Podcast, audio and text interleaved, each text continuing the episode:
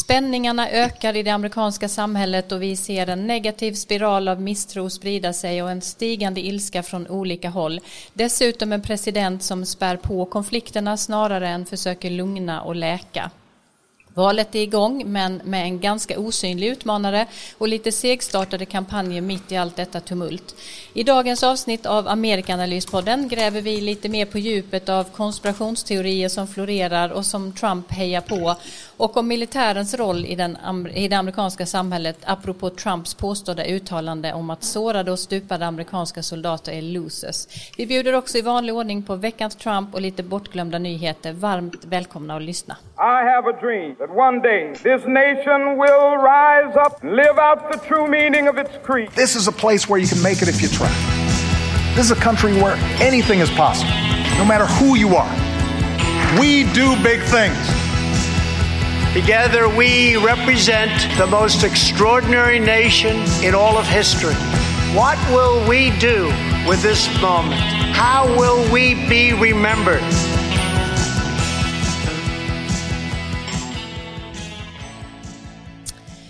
Ja, som sagt, var varmt välkomna till Amerikanalyspodden. Vi som gör den här podden är Uppsala-professorerna Dag Blank och Erik Åsad, författaren och eh, Svenska Dagbladets mångåriga utrikeskorre Karin Henriksson och så jag, Frida Stranne, som forskare, författare och också krönikör i Expressen.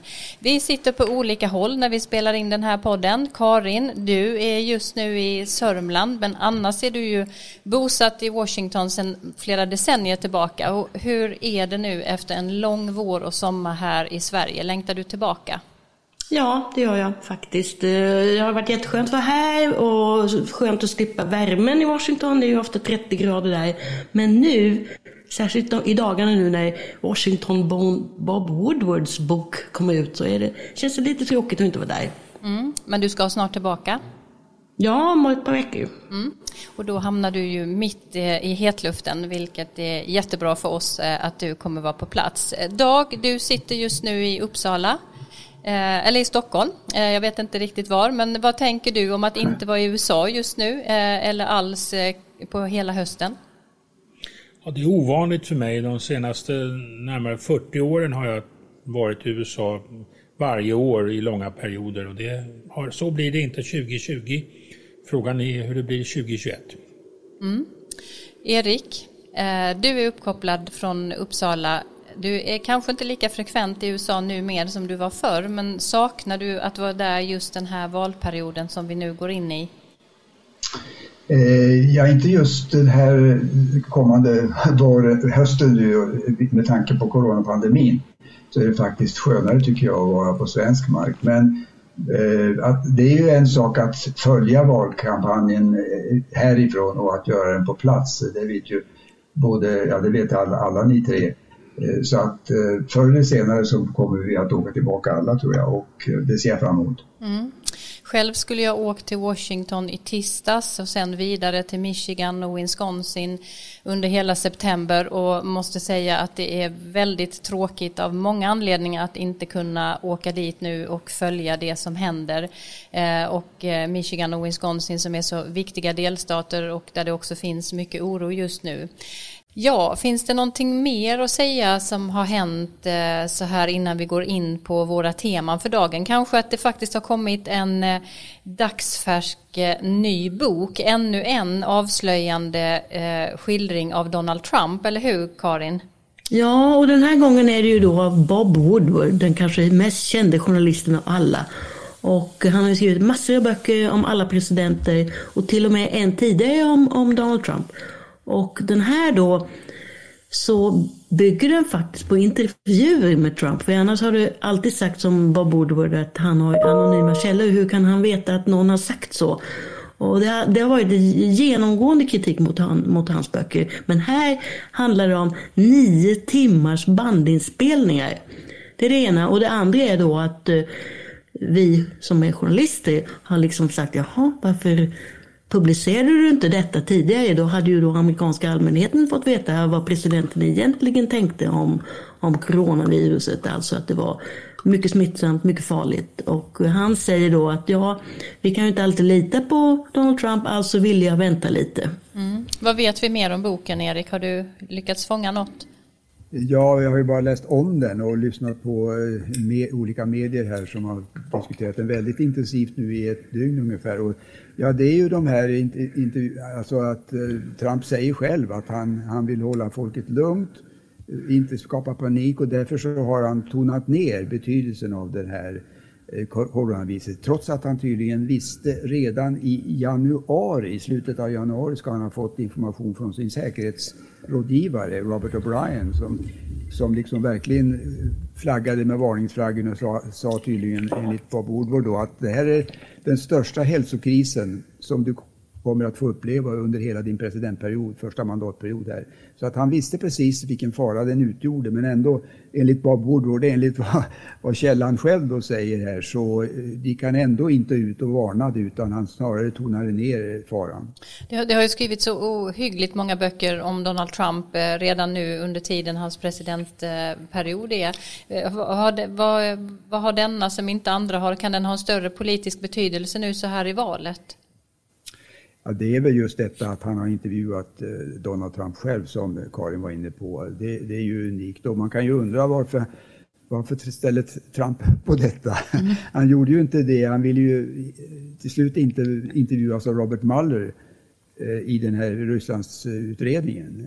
De avstyrde ju det, hans medhjälpare. Men en förklaring kan ju vara, jag vet inte vad ni andra säger, att han helt enkelt är lite starstruck när det gäller Eh, Bob Woodward. Han skäller ju på alla medier och journalister men det hörs lite grann här tycker jag på honom när man lyssnar på bandinspelningen att eh, han pratar med Bob och han, liksom, han var liksom var god vän med honom och säga hur saker och ting eh, står till. Och sen är det nog en hel del hybris helt enkelt. Han, han, han tror helt enkelt att han kan övertyga Eh, Bob Woodward om att han, bara han säger saker som han eh, tycker är intressanta så, så kommer han väl ut i den här skildringen och det kan ju vara ett, ett, bli ett väldigt backlash på det. Mm, ja, det är minst sagt intressant eftersom den förra boken ju inte var så smickrande. Vad säger ni andra om, om betydelsen av att den här boken kommer just nu? det som har talats väldigt mycket om i medierna just efter han har kommit ut handlar just om att han har spelat ner betydelsen av pandemin och det är ju en av de viktigaste frågorna i, i, USA idag och man har sett på tv-kanaler under dagen där de har spelat upp de här bandinspelningarna där han säger, erkänner till Woodward och det har han också sagt i presskonferenser efteråt att han, ja, jag ville spela ner det här, jag vill inte skapa panik, jag vill lugna ner det hela. Samtidigt som de då visar att han, att han kände till hur farligt det här var. Samtidigt så visar man då de presskonferenser som han gav vid samma tid där han då helt to tonar ner den här skillnaden mellan den insikten och vad, vad han sa. Och det kontrasterar man då med alla eh, experter som säger att det enda sättet att klara en sån här pandemi är att tala sanning, att spela med öppna kort, att mörka är det värsta man kan göra. Så det kommer naturligtvis få en väldig effekt och det faktum att man kan höra honom själv på band säga det, är där, det finns inget sätt att komma runt det. Va? Mm. Vad säger du Karin? Ja, jag håller med både Erik och, Dag. Och sen då att han nu kommer tillbaka och liksom beskyller Bob Woodward för att vara ute efter honom. Att det är ett hitjobb. Det blir bara fånigt. För att eh, han har ju faktiskt sagt det han sa. Och vi som då just är i Sverige, här var det ju en annan attityd och det gäller ju hela Europa att liksom de ledarfigurerna kom ut och sa detta är allvarligt, vi måste ta det på allvar. Och Donald Trump gjorde tvärtom.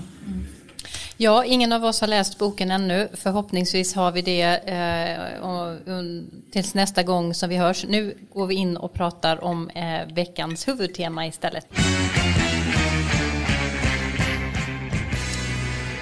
Dagens eh, huvudtema är konspirationsteorier i USA och hur de används i politiken, särskilt av president Donald Trump. Konspirationer är inget nytt, det finns sedan länge i många länder, inte minst i USA, där historiker har visat att det fanns redan före republikens tillkomst, när landet ännu var en brittisk koloni. Numer får de däremot enormt mycket större spridning än tidigare via de sociala medier som flödar över av konspirationstankar så snart något stort och uppseendeväckande händer. Erik, du har skrivit eh, mycket om konspirationsteorier allmänt och inte minst om de amerikanska teorierna som ju är vanliga, inte bara inom politiken utan även inom populärkultur, litteratur, juridik och andra områden. Men om vi börjar med själva ordet, vad brukar man mena när man talar om konspirationsteorier? Ja, man brukar göra en åtskillnad mellan konspiration och konspirationsteori. Eh, ordet konspiration det kommer ju från eh, latinets conspirare som innebär att det är, en, man gör, det är en hemlig plan som två eller flera personer eh, iscensätter med ett eh, illasinnat syfte. Man vill komma åt någon, avslöja någon. Eller så. Eh, och konspirationer de finns ju i verkligheten, du antydde ju det där i din inledning. Och vanlig, de är väldigt vanliga i den kriminella världen. Man kan säga att nä, nästan varje gång som ett brott begås utav två eller flera individer så handlar det per definition om en konspiration. Men vad jag har funnit under mina studier eh, när jag har skrivit om, om dem så är de betydligt ovanligare inom politiken faktiskt. Men de finns ju också där. Va? Watergate-affären till exempel var ju ett paradexempel på 70-talet på en konspiration, en faktisk politisk konspiration eh, Iran-kontra-skandalen på 80-talet var, var likadant. Eh, men sen får man, om man ska titta på hela 1900-talet så är det nog rätt så få ändå stora eh, konspirationer som avslöjats av samma slag och det beror på ja, framförallt att de är mindre förekommande och att de som har funnits faktiskt har avslöjats också eh, i USA. Kan du ge några exempel på konspirationsteorier då som har fått särskilt genomslag i USA? Ja, det är ju, jag har skrivit särskilt om mordet på president Kennedy 1963. Det är, om man tittar på eh, nätet och ser antalet träffar på den så är den, tror jag nu, den var länge nummer ett, men nu är den nummer två. Nummer ett är numera 11 september-attackerna 2001 och eh, Eh, i, kriget i, i, Afghanistan och Irak som är liksom en enhet utav konspiration, härva och konspirationsteorier som kriget mot terrorismen kan man, kan man säga också ingår där. Va? Så att, eh, och det beror ju på att det är USA som är den drivande aktören i de här sammanhangen, i de här händelserna. USA har liksom efterträtt, det gjorde man väl när, efter andra världskrigets slut, så efterträdde USA eh, Storbritannien Storbritannien som den stora eh, konspiratören i världen därför att de var helt enkelt den viktigaste makten, starkaste makten. Eh, men ska jag väl säga också vad, vad, vad, en konspirationsteori är. Alltså en konspiration det är ju en handling kan man säga, något som människor företar sig. Men en konspirationsteori däremot, det är en övertygelse som uttrycker oro för en befarad konspiration en som ofta inte är bevisad men som påstås ha inträffat. Eh, och, så att konspirationen det är en handling, konspirationsteorin det är en idé eller en övertygelse. Mm. Um, är det bara bland vita konservativa politiker och väljare som de här teorierna har fått genomslag i USA? Den, den bilden har man i alla fall ofta. Nej, det är inte alls. Utan eh, konspirationstänkandet i vid bemärkelse då, det finns inom väldigt eh, många områden i det amerikanska samhället.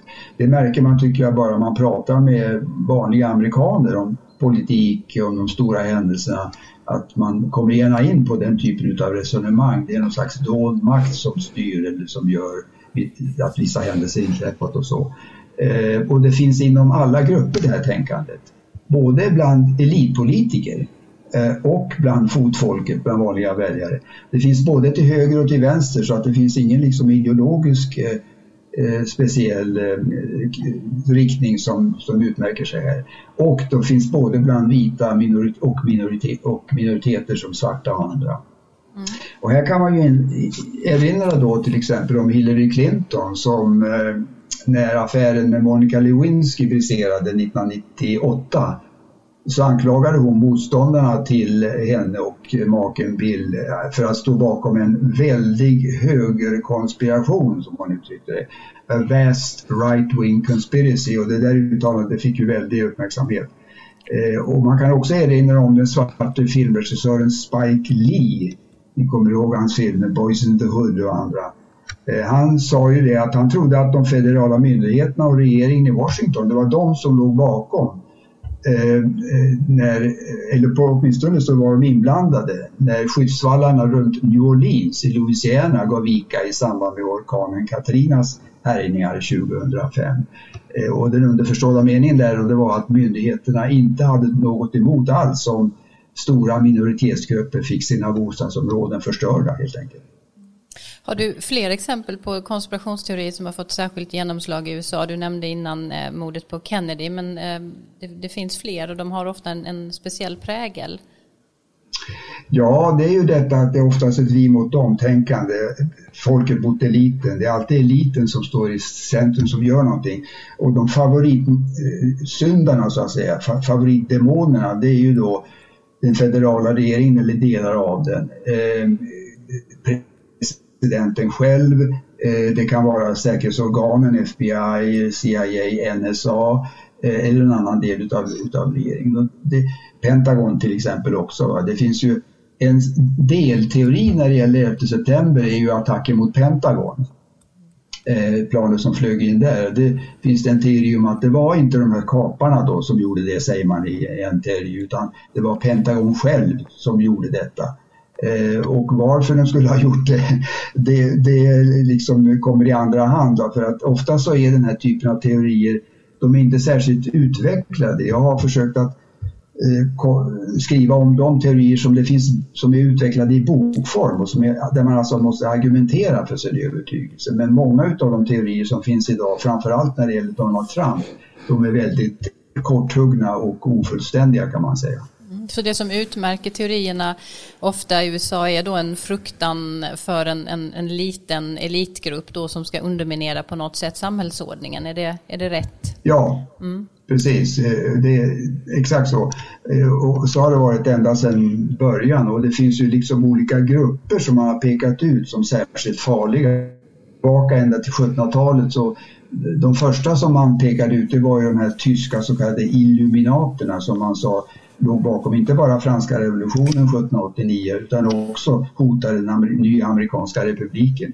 Och sen finns det en mängd olika sådana här demoner man, man har man har pekat ut friburarna till exempel som ju var ett hemligt sällskap. De, de var mycket farliga ansågs det. Eh, katolska kyrkan, särskilt under 1920 och 30-talet när man hade en stor katolsk invandring så varnade man för dem. Va?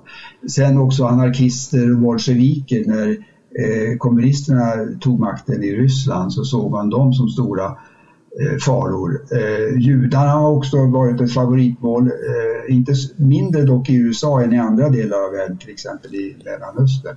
Och sen också fascister, men även bankirer på Wall Street, eh, kapitalisterna. Och inte minst militanta svarta. De har lyft fram ofta, eh, särskilt ifrån vita högerextremister, som den stora faran i samhället. Och Mm. Här kan vi ju erinra oss hur Donald Trump spelade på den där oron som finns eh, bland vissa grupper i USA åtminstone. Oron för mexikaner och andra invändare. Det var ju så han började sin valkampanj 2016. Och inför mellanårsvalet 2018 då varnade han ju för den här enorma karavanen, kommer ni ihåg det uttrycket? Carav, the caravan av flyktingar som han påstod hotade att då översvämma landet. Sen dagen efter i valet 2018, då försvann det där hotbilden plötsligt. Och det där talet om karavanen likaså. Så att det var ju eh, ett, ett sätt att skrämmas inför valrörelsen helt enkelt. Men Donald Trump har ju använt konspirationsteorier som ett vapen, eh, kan man uttrycka det, under hela sin politiska karriär. Kan, kan du ge några exempel på hans favoritteorier? Ja, det finns flera. Alltså han började, den första som han använde det var ju den här så kallade birtherism-teorin. Alltså teorin om att Barack Obama inte skulle ha varit född i USA och därmed då skulle ha varit en illegitim president. Det var syftet med den där teorin. Men ett annat syfte, och väl så viktigt för Trump tror jag, det var att han ville, han ville etablera sig som en kraft inom det republikanska partiet och kom på, eh, och det gjorde ingen annan av kandidaterna på den tiden eh, som ställde upp 2016 utav republikanerna. Han kom på att det här är ett sätt att få ett fäste bland republikanska gräsrötter helt enkelt. De som är skeptiska till inte bara Obama utan till svarta och minoriteter överhuvudtaget. Så att, eh, det var 2011 så började han driva den och sen har han ju en, drivit en mängd eh, olika teorier genom åren och favorit eh, aktörerna för honom, de som är de verkliga demonerna, det är ju dels eh, Obama själv, han har ju påstått att Obama grundade IS, eh, Islamiska staten, tillsammans med Hillary Clinton har han sagt. Och paret Clinton är liksom den andra stora demo, hotfulla demonen i hans eh, teorier. Bland annat så har han ju sagt att både Bill och Hillary Clinton de var inblandade i rådgivaren Vince Fosters självmord eh, eh 1993. Det var, det var ingen vanlig död säger de då, men det, det var, han, han begick ju självmord faktiskt. Va? Sen under valrörelsen kommer vi ihåg eh, 2016 så anklagar han Ted Cruz, en av konkurrenterna som han hade då med republikanska nomineringen, för att hans far hade varit inblandad i Kennedy-mordet. Ingen som helst bevis för detta, va? men ändå så, så gjorde han detta eh, för att få anhängare. Eh, han har sagt också att Barack Obama har avlyssnat hans kontor i Trump Tower. Helt, helt utan bevis.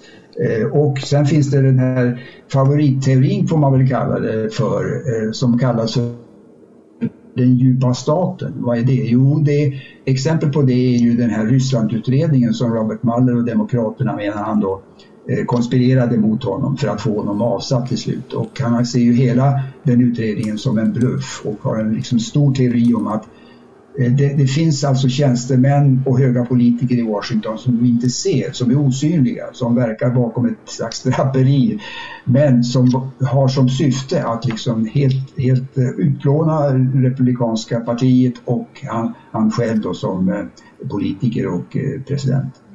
Jag kommer tillbaka till dig Erik igen sen, men tänkte också fråga Karin här. Eh, har du sett några exempel på konspirationsteorier som Trump har använt nu eh, mer under den, den pågående valkampanjen som ju nu har, har tagit fart? Mm. Ja, alltså han drar ju sig inte för att, att, säga de här sakerna. Han sa det i en intervju med eh, Fox News, eh, en av deras mest populära kvälls-tv-värdar, Nora Ingram. Och eh, sen så retweetade han då diverse konspirationsteorier och eh, i alla fall en faktagranskare menar om hela nio stycken. Och det är ju allt från att påstå då att det är stenrika demokrater som finansierar de här protesterna nu i sommar och till att påstå att det verkliga antalet dödsfall i covid-19 är mycket, mycket mindre. Det vill säga något som skulle gynna honom. Och sen så är det ju de här grundlösa spekulationerna eller påståendena om att brevröstning är snudd på lika med fusk. Men eh, nu när det börjar är knappt två månader kvar till valet så måste man förstås titta på vad han, särskilt vad han säger om Joe Biden. Han upprepar ju gång på gång på gång att Biden, som ändå anses vara en mittenpolitiker, skulle vara en trojansk häst. Och inne i den hästen sitter ett gäng marxister som skulle göra äntligen skulle få förverkliga sin dröm om att göra USA till ett socialistiskt helvete. Och eh, sen påstår han ju att Joe Biden tillsammans med Obama spionerade på hans kampanj och sen är det hela det här som Erik var inne på, djupa staten och att eh, den här gruppen, eller vad man ska kalla dem för, kanon som driver detta. Mm. Så jag, jag har faktiskt nu på sistone tillbringar en del tid med att titta på de här sajterna och lyssna på vad folk säger. Och det är ju säkert så att man kan tro på det om man vill tro på det. Mm. Dag, eh, någonting som du vill tillägga? Nej, jag tycker det som Erik och Karin har sagt här är väldigt klargörande. Jag tänker, som Karin poängterade, det här med brevröstningen som har kommit upp på senare tid här när vi närmar oss valet. Det det är ju väldigt, det undergräver ju hela valets legitimitet helt enkelt. Det, det, det är ju en, en konsekvens av de här konspirationsteorierna. Mm. Det är ju en konspirationsteori som verkligen har fått eh, fart och som eh, kallas för QAnon eller kanon, eh, lite beroende på hur man säger det, och som ju har funnits nu sedan 2017. Det började användas på ett internetforum vad jag förstår, 4chan, med en användare som kallade sig Clearance Q Patriot. Och det här har ju fått spridning och har väldigt många följare och handlar ju just om att det skulle finnas en djup djup stat som eh, försöker motarbeta Trump. Och eh, den här bokstaven Q och den slogan som används har också börjat dyka upp på öppna möten som Trump eh, anordnade redan 2008, vilket ju också är, är anmärkningsvärt. Eh, jag tänkte på en sak Erik bara, finns det någon risk nu med att det här stora flödet av konspirationsteorier som ju då eh, finns i ett, eh, så, ute på, på nätet och som många också tar till sig, att man missar de konspirationer som faktiskt finns och det viktiga grävarbete som journalister gör för att hitta sånt som till exempel eh, Watergate och annat? Eh, ja, det, alltså, nätet som du nämner, det är ju jag, jag har liksom givit upp det. När jag, när jag började med mina studier så var det mycket mindre utav, eh, det flödade inte över liksom utav teorier på samma sätt som det gör nu.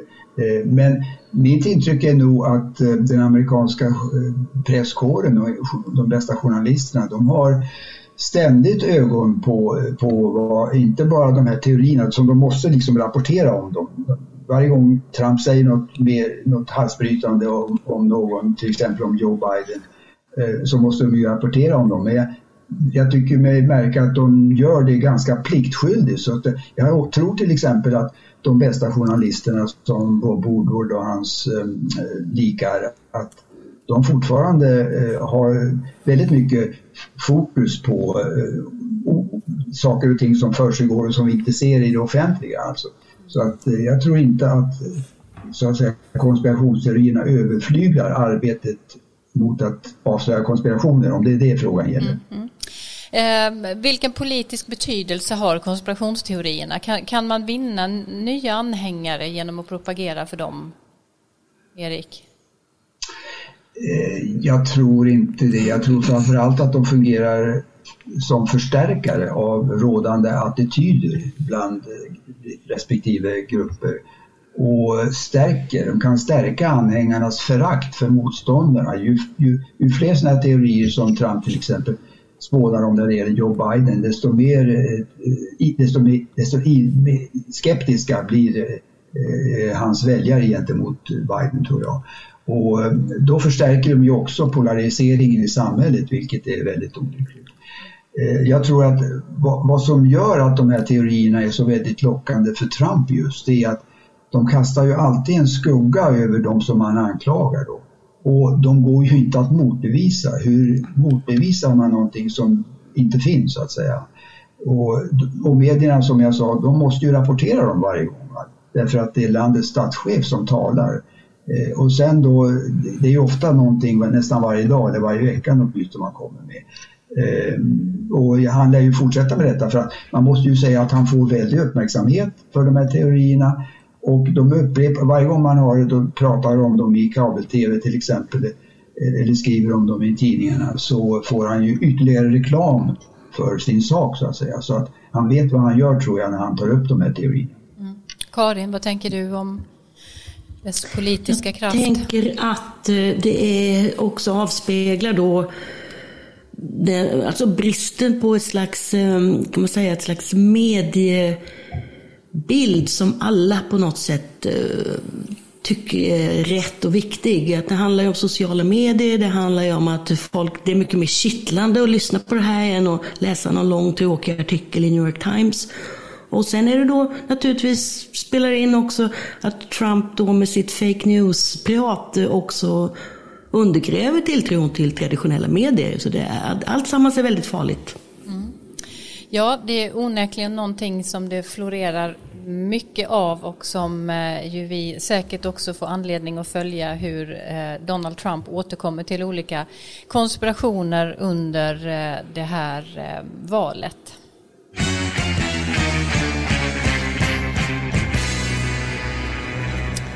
Ja, vi går över till ett av våra stående inslag i den här podden som vi kallar för veckans Trump. Karin, som i normala fall är vårt ständiga öga öra i Washington, brukar hjälpa oss att plocka fram något särskilt intressant och framträdande av allt som president Trump säger eller twittrar, vilket ju är ett ständigt flöde. Men vi går rätt på ett uttalande här i veckan tycker jag och lyssnar på vad du har tagit fram den här gången. Biden cheered China's rise as a great power because great powers adhere to international norms in the areas of non proliferation, human rights, and trade. Well, they didn't. They took advantage of stupid people. Stupid people. And Biden's a stupid person. You know that. You're not going to write it, but you know that. The cost of Biden's economic treachery was 60,000 shuttered American factories, and I hear this morning the real number is probably 70,000. 70,000 shuttered American factories, and he's talking about how wonderful it is with China. Now, China's been very bad, on top of which we had the China plague sent to us and other viruses, nothing near this areas, but the swine. We had other viruses sent in over the years that came from China. I wonder why. If Biden wins, China wins because China will own this country. If Biden wins, China will own this country. And hopefully, you're not going to be able to find that out. It's the most important election in our history, right now. Most important election in our history. Ja, Karin, han, han säger mycket här. Vad, vad hörde vi? Ja, alltså Donald Trump han har nu mer eller mindre återtagit de här dagliga presskonferenserna. Det är ju ett sätt för honom att nå ut. Och I måndags var det nog lite överraskande ändå att han steg fram. Det var den så kallade Labour Day, en helgdag då man, eh, typ första maj i Europa. Och han inledde för all del med några meningar om, om den dagens betydelse. Men sen var det då de vanliga attackerna på Joe Biden som enligt Trump är stupid, det vill säga korkad. Och som ni hörde så upprepar han flera gånger att Kina vinner om Biden vinner valet. Och han kritiserar, och det gör han väldigt ofta, att USA lät eh, Kina blir medlem i Världshandelsorganisationen WTO. Och han får det då att låta som att Biden låg bakom det här, eh, Kinas inträde. Och alltså personligen är skyldig till att eh, miljoner jobb försvann. Men till saken hör att eh, det då, i slutet av 90-talet, fanns en bred politisk enighet om just den här frågan och eh, inte minst för näringslivet. Och det var ju där ändå som besluten om att flytta ut tillverkning eller eh, beställa komponenter från till exempel Kina då. Det var ju där de besluten kom till. Så det kändes lite orättvist kanske att skylla på Joe Biden. Mm. Han får klä, klä skott för mycket i eh, det här eh, presidentkampanjandet som är just nu. Jag måste passa på att fråga dig bara, för det här med att eh, Trump har återupptagit sina täta presskonferenser måste ge honom en stark fördel som en arena nu att nå ut i det här väldigt annorlunda kampanjandet som är.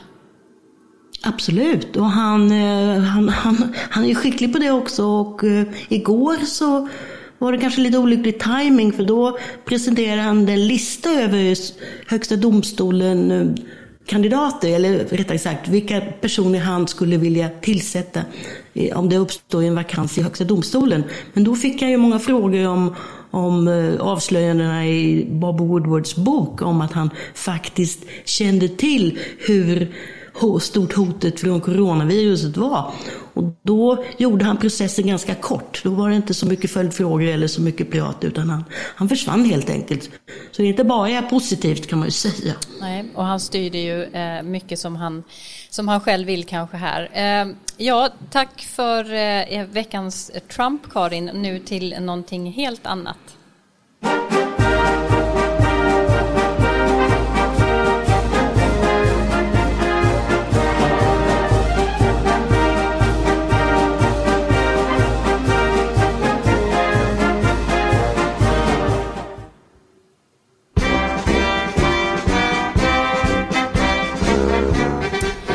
Ja, det vi hör här är ett par käcka signaturmelodier från den amerikanska militären. Militären är alltid mer eller mindre synlig i USA och som alla kanske känner till är presidenten också landets överbefälhavare. I förra veckan publicerade tidskriften The Atlantic en artikel skriven av chefredaktören Jeffrey Goldberg som handlade om Donald Trumps inställning till militären och bland annat sägs han ha kallat sårade och stupade för losers och suckers. Han förnekade detta men flera nyhetsorganisationer bland eh, dem AP, Washington Post och eh, också Fox News hade egna källor som bekräftade de här uppgifterna. Eh, Karin, om vi börjar med militärens roll i det amerikanska samhället för att få in det här i ett sammanhang. Kan du säga någonting om det? Ja, alltså USA har ju befunnit sig mer eller mindre i krig, alltid höll jag på att säga, men i synnerhet nu då sedan Vietnamkriget och framåt till Afghanistan och Irak. Och då har man ju ofta konstaterat att det är en minoritet, till och med en liten isolerad minoritet, som lever under egna regler och traditioner och att det är de som utkämpar USAs krig, inte så att säga den breda medelklassen. Och det är ju på sätt och vis sant. Militärbaserna de utgör egna som städer och det är proportionellt sett få amerikaner som faktiskt tjänstgör i militären. Men totalt sett så är ju den amerikanska försvarsmakten stor med 1,2 miljoner i aktiv tjänst och dessutom då många, många miljoner veteraner och barn och barnbarn till soldater och flygare då i den så kallade Greatest Generation under andra världskriget. Och det är det som nu för tiden betraktas som det goda kriget. Och så med andra ord så kan man faktiskt säga att det är en rätt stor andel av den amerikanska befolkningen som har någon personlig kontakt med militären.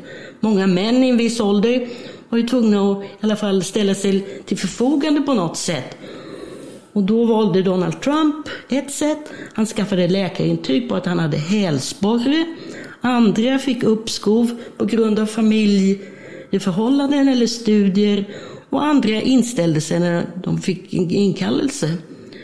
Och slutligen kan man också säga, påpeka, och det är rätt intressant, att det är att det är fler med militär bakgrund som tjänstgör i, eller har valts in i kongressen eller kandiderar till kongressen än det har varit på många år. Så det, det är faktiskt en, en, ett trendbrott. Mm. Annars så hade ju då flera presidenter på senare år, Bill Clinton och Barack Obama i synnerhet, inte någon egen militär erfarenhet. Mm. En annan intressant faktor när det gäller rekryteringen till eh, eh, USAs militär är ju att det eh, att i allt större omfattning också rekryteras folk från eh, de lägre samhällsklasserna och som en möjlighet till att eh, få jobb och annat. Så att eh, demografin inom militären har ju också förändrats under de senaste årtiondena. Man kanske också bör lägga till att det finns ju många militärbaser i USA och det är också vanligt att se folk i militärkläder. Ehm, på ett annat sätt än vad vi är vana vid här. Samma sak gäller ju också veteranerna som du nämnde som ju eh, är en synlig grupp och som man också överallt när man eh, går på restauranger eller till sin frisör eller eh, annat kan se att veteraner ofta har rabatt om de väljer att äta där som en ehm, någon form av hyllning för den tjänst de har gjort. Man blir också tillfrågad ibland i matvarubutikerna om man vill avrunda upp beloppet med några dollar just till veteraner veteran. Alltså det, det, finns en ständigt närvarande känsla också för att veteraner har gjort en, en väldigt viktig insats för, för USA. Eh, men det här uttalandet då Karin om, eh, med i The Atlantic där man påstår att eh, Trump har, har sagt att de här som har förlorat sitt liv eller blivit skadade är losers eller suckers. Kan han verkligen ha sagt detta och kommer det att skada honom i valet? Ja, jag tror att han sa så. Det är många som har bekräftat och en del av de här orden kommer åt eh, igen i eh, Bob Woodwards bok som jag nämner igen. Men eh, dementierna är mycket envisa från Vita huset och det är naturligtvis ett tecken på att detta betraktades som mycket farligt inför valet. Och sen finns det då som alltid en massa människor som tror att det här är fake news från medierna som då på något sätt lever i någon slags maskopi med Demokraterna. Men det är belagt redan tidigare att, att hans då till inledningsvis väldigt goda förhållande till eh, militären, han talade ju då om My Generals. Och eh, att det har, har bytt till något helt annat. Det har varit några fall, vi ska inte gå in på detaljerna, men det har varit några fall där han faktiskt har eh, gått emot militären, gått emot den militära det militära rättsväsendet och det tas inte väl upp faktiskt i, i en miljö där man ju då lyder order. Och eh, sen, men huruvida det, hur skadligt det kommer bli, det får vi väl se. Jag menar, det är ju många veckor kvar och mycket som Trump gör är ju glömt efter en vecka så att vi får väl se.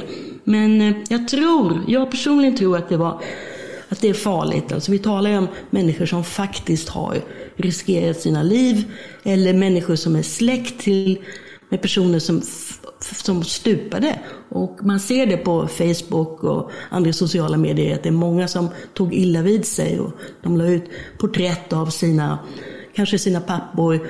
Det här är min pappa. Han dog i Vietnam. Han är ingen loser. Så det, det, det var inte bra för Trump.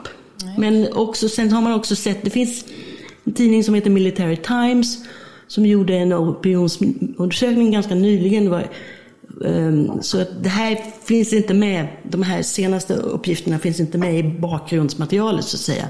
Men det tyder, tyder det på att opinionsstödet för Trump har minskat i Försvarsmakten. Soldater och officerare förmodas normalt sett då sympatisera med Republikanerna och vara mer konservativa än, än, än folket i stort. Eh, Trump påstår ju samtidigt att han har gjort mer för militären än någon annan. Vad, vad ligger det i det? Ja, alltså det ligger ju i det som, han, han gillar ju att säga detta, men eh, man kan ha olika åsikter om det. Till bakgrunden så har ju då ändå att det var det var, Irakkriget och Afghanistankriget har kostat oerhört mycket pengar. Och eh, det har då varit slitage på material och eh, det behövdes väl helt enkelt lite påfyllning. Och så var det ju en helt annan politisk konstellation under åren med Barack Obama. Då var det ju Republikanerna i kongressen var inte alls så pigga på att och klubba hans beslut. Så det var ju en budgetuppgörelse där man faktiskt drog ner på försvarsanslagen. Och nu låter det inte likadant. så Trump har då varit framgångsrik får man säga i att se till att militären får mer pengar och han har också drivit igenom att man ska ha ett helt nytt vapenslag, den så kallade Space Force. Och eh, sen så invänder många att var skrytet Hans skryt om eh, lönehöjningar och om eh, reformer i veteransjukvården, att det är överdrifter. Det, det sker liksom en uppgradering av eh, löneskalorna och, och en del av reformerna i veteransjukvården som alltså är en väldigt viktig inrättning de fattades redan under, eller genomfördes redan under Barack Obama. Mm. Eh, det är ju en återkommande fras eh, från Trump att han har gjort mer än någon annan Erik, eller, eller hur? Så det här är inte den enda saken som han driver fram. Nej, precis. Just det där uttrycket uh, No president has done more och så tar han ett område. Det sa han ju också uh, om de svarta, att han hade gjort mer än, än någon tidigare president för de svarta. Möjligtvis med undantag för Abraham Lincoln, sa han.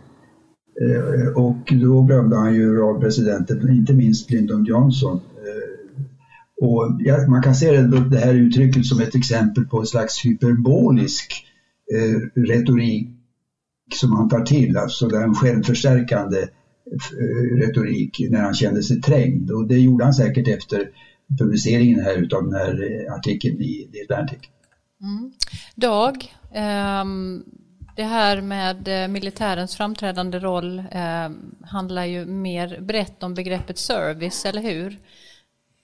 Ja, det gör det. Det finns en, som Karin sa, det här, en stor respekt för de som tjänstgör i armén och flottan och flygvapnet. They serve, som man säger. Och man hör ofta uttrycket “thank you for your service” och vi har alla sett det på amerikanska flygplatser när militärer ankommer eller avreser. Det uppmärksammas väldigt mycket. De insatser som man gör, detta begrepp to serve i en bred bemärkelse, är viktigt i det amerikanska samhället. Mm. Eh, och jag tänker alltid på det i relation till sport eftersom jag är väldigt sportintresserad och brukar gå på olika sportevenemang i USA och där är ju alltid eh, ett inslag i någon av pauserna med en eh, stor eh, hyllning med musik och ofta några veteraner som kommer in och hyllas för sina insatser och det blir man väldigt varse just i, i de här sportsammanhangen om man inte blir det också på, på många andra platser som vi har pratat om. Men den här tanken på service, den går väl bortom militären, Dag?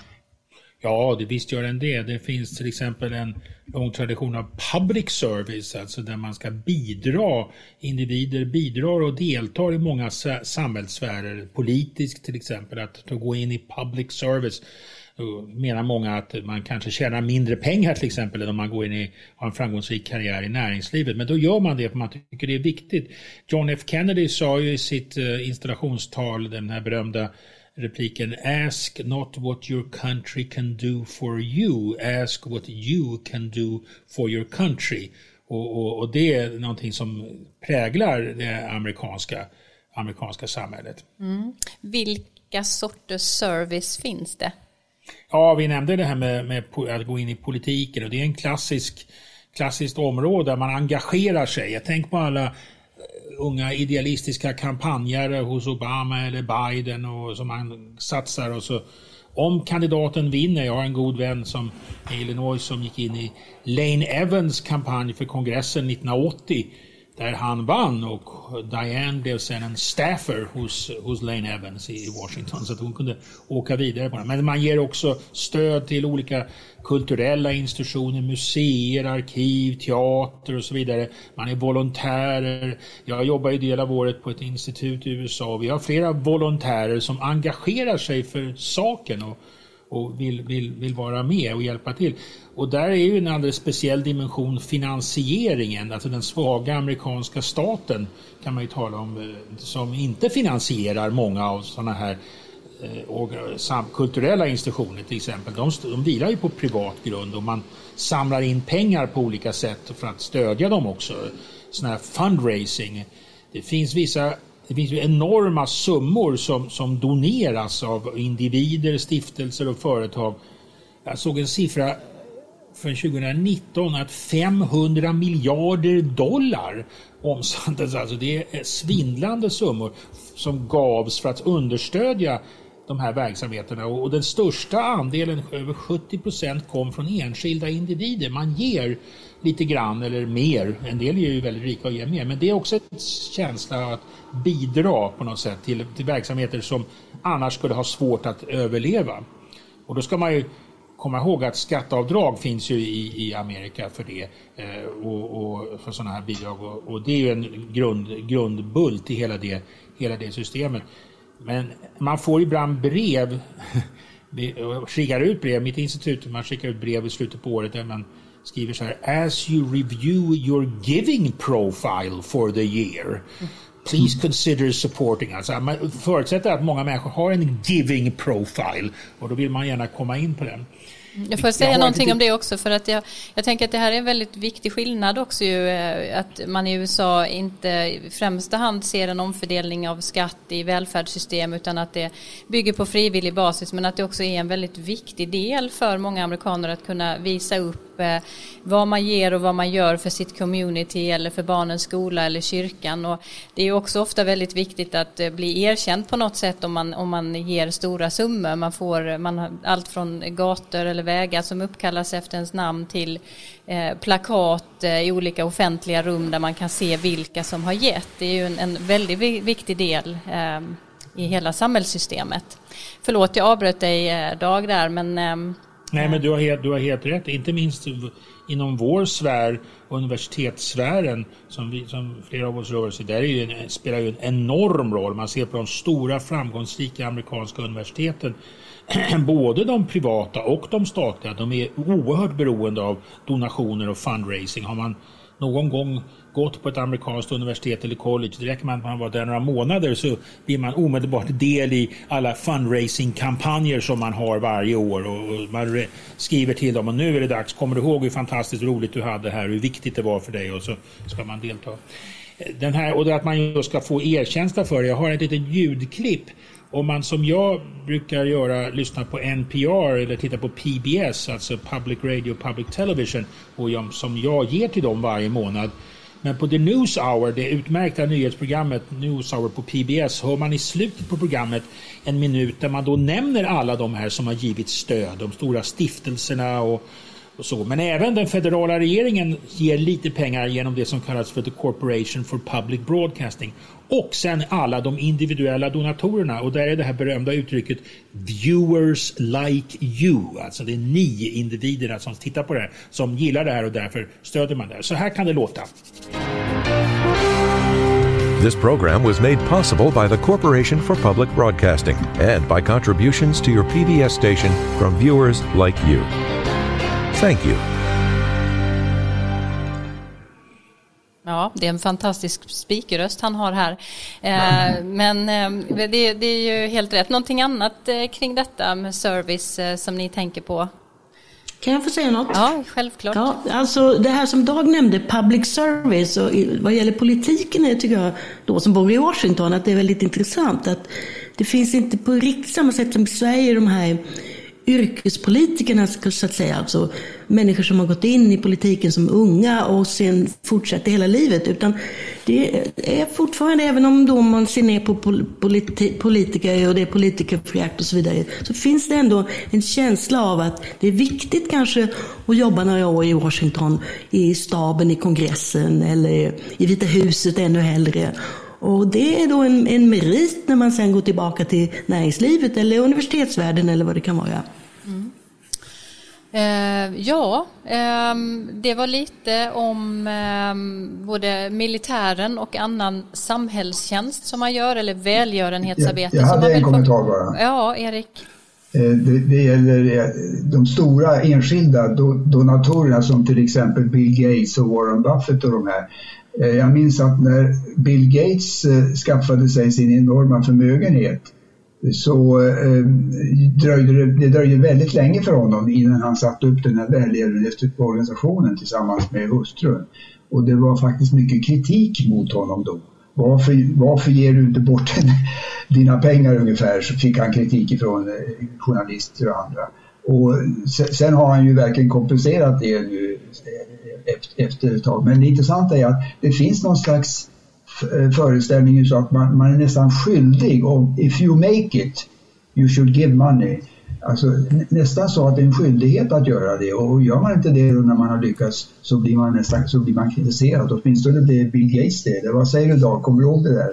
Jo, det tror jag stämmer. Du är helt rätt. To give back. Va? To give back ja. to your community. Och man tittar man på de här stora stiftelserna som grundades i början på 1900-talet, slutet på 1800-talet. Fordstiftelsen, Carnegie-stiftelsen, Rockefeller-stiftelsen. Det är ju enorma pengar som ligger i de stiftelserna. Det är the robber barons, en del av dem är de gamla robber barons från råkapitalismen i slutet på 1800-talet som sen omvandlades på det sättet och har spelat en stor roll. Jag tror det är helt rätt att det finns en förväntan att man ska starta stiftelser och Gates väntade lite. men, men nu som du säger har han, och han har helt lämnat eh, sitt ursprungliga ja. område och ägnar sig helt åt eh, The Bill Gates Foundation. Jag hade faktiskt förmånen under en resa med Uppsala universitet i, i, USA att vi fick besöka The Gates Foundation. Bara att få komma in där och få tala med dem var en stor sak. Och sen öppnas det ju då enorma möjligheter med de resurser som de har. Alltså för, så för ett universitet att få en liten del av Gates-stiftelsens largesse är, är, en fantastisk möjlighet. Alltså.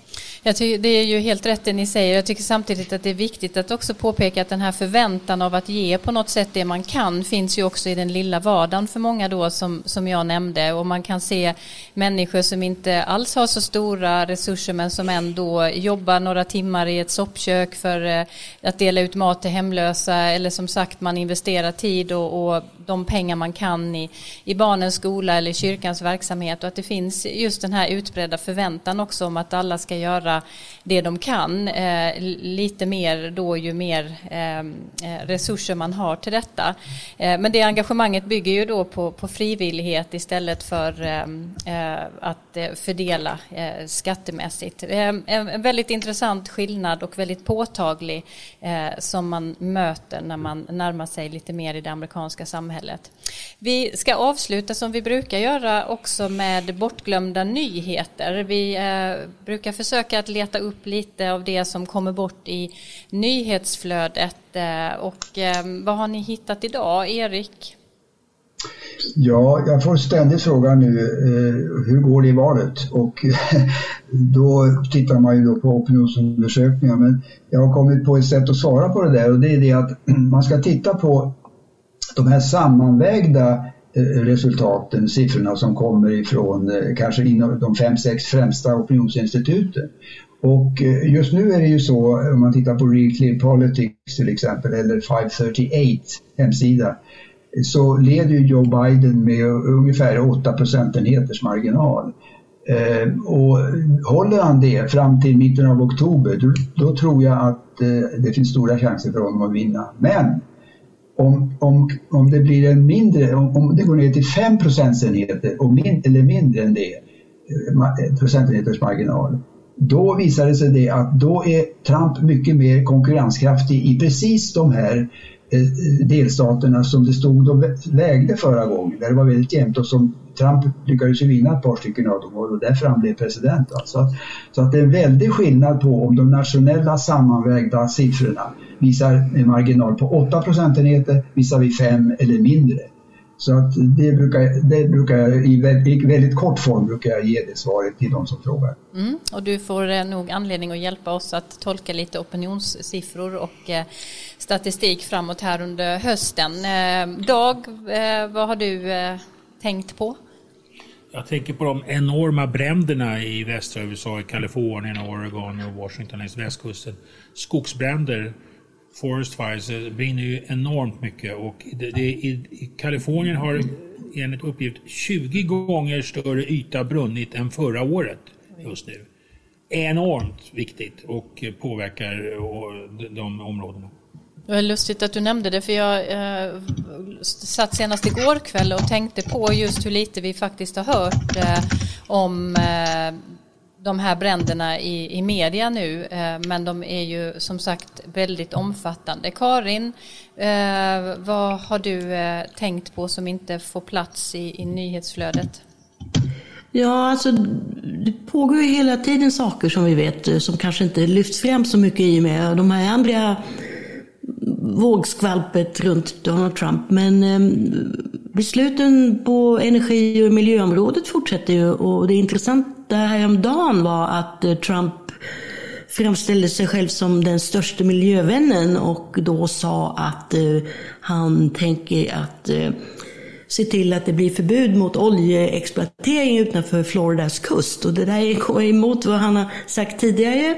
Och då kan man tänka sig att utgången i Florida är ju väldigt viktig och det var kanske det Trump tänkte på. För folk som bor i kustområdena vill inte ha oljeborrplattformar utanför sina stränder. Mm.